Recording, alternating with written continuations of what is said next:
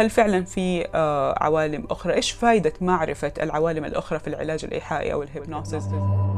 الهوليوود كتير ساهمت بأنه تنزع وتشوه سمعة ال hypnosis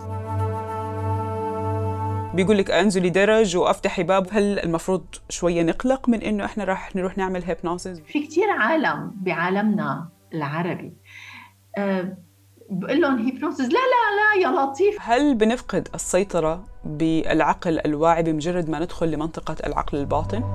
ابدا. ابدا. ابدا.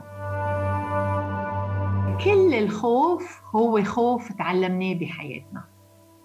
نحن بنخلق عنا بس خوفين فقط لا غير. خوف من الهبوط من الأعلى وبنخاف من الأصوات العالية. حيلا خوف تاني نتعلمه بحياتنا. فقت على بكرة تاني نهار مع هالخبر البشع. في شي رابط بين الحياة والأحلام؟